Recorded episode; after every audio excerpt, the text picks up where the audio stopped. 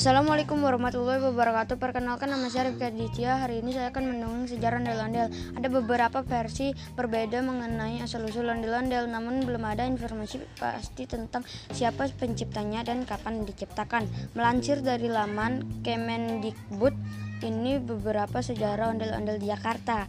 Secara heteromis ondel-ondel disebut sudah ada sebelum 1600 Masehi Penjelasan ini ditulis pedagang dari Inggris bernama Westcott dalam buku pelajarannya. Dalam catatannya, Scott mengaku melihat ada kebudayaan unik berbentuk boneka raksasa yang dipertunjukkan masyarakat Sunda Kelapa dan upacara adat. Meski namanya tidak disebut jenis jenisnya dinyakini mirip ondel-ondel. Ada buku perjalanan lain yang menuliskan soal ondel-ondel yang ditulis E.R.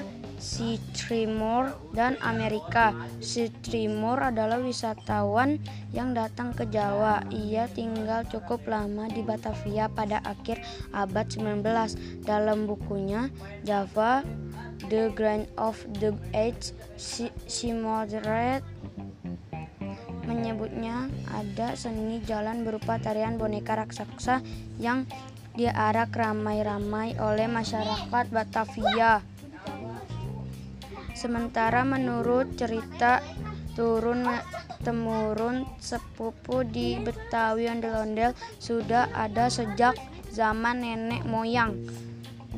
Dulu ondel-ondel dibuat untuk upacara tolak balak. Upacara tolak balak diadakan untuk mengusir wabah penyakit yang menyerang perkampungan atau gangguan roh halus yang gentayangan. Saat ini ondel-ondel masih sering digunakan untuk meramaikan pesta masyarakat, pernikahan atau penyambutan tamu terhormat misalnya saat peresmian gedung yang baru selesai dibangun.